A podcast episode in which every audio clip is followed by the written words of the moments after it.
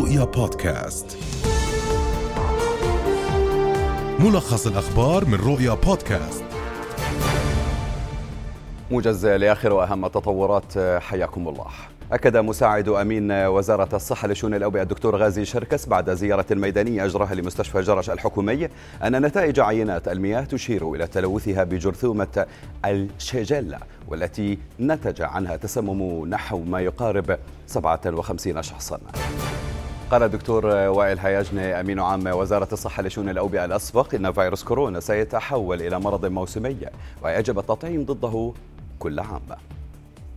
لن تكون نهاية كورونا سيتحول إلى مرض آخر كما تحولت الإنفلونزا إلى مرض معين. آه، يعني أنا أرى المستقبل كالتالي. طبعا هذه تخرصات نعم. واستنتاجات قد لا تكون حقيقية أو صحيحة. ولكن أرى أن الكورونا سيتحول إلى مرض موسمي. وقد نضطر إلى أن نأخذ مطعوما موسميا كما نقوم الآن بتلقي مطعوم موسمي للإنفلونزا حافظت أسعار الذهب في السوق المحلية اليوم على أسعارها بعد تسجيلها ارتفاعا بقيمة وصلت إلى عشرة قروش للجرام الواحد مساء يوم أمس. في الشان الفلسطيني اقتحم مستوطنون متطرفون يهود صباح هذا اليوم باحات المسجد الأقصى المبارك الحرم القدسي الشريف في مدينة القدس المحتلة.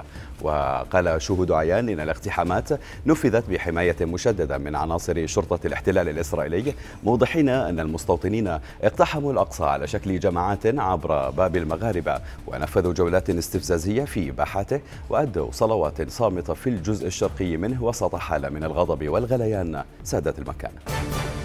أعلن مسؤول كبير في البيت الأبيض أن الولايات المتحدة ستفتح اعتبارا من مطلع الشهر المقبل حدودها البرية مع المكسيك وكندا والجوية مع بقية العالم أمام المسافرين المحصنين ضد فيروس كورونا.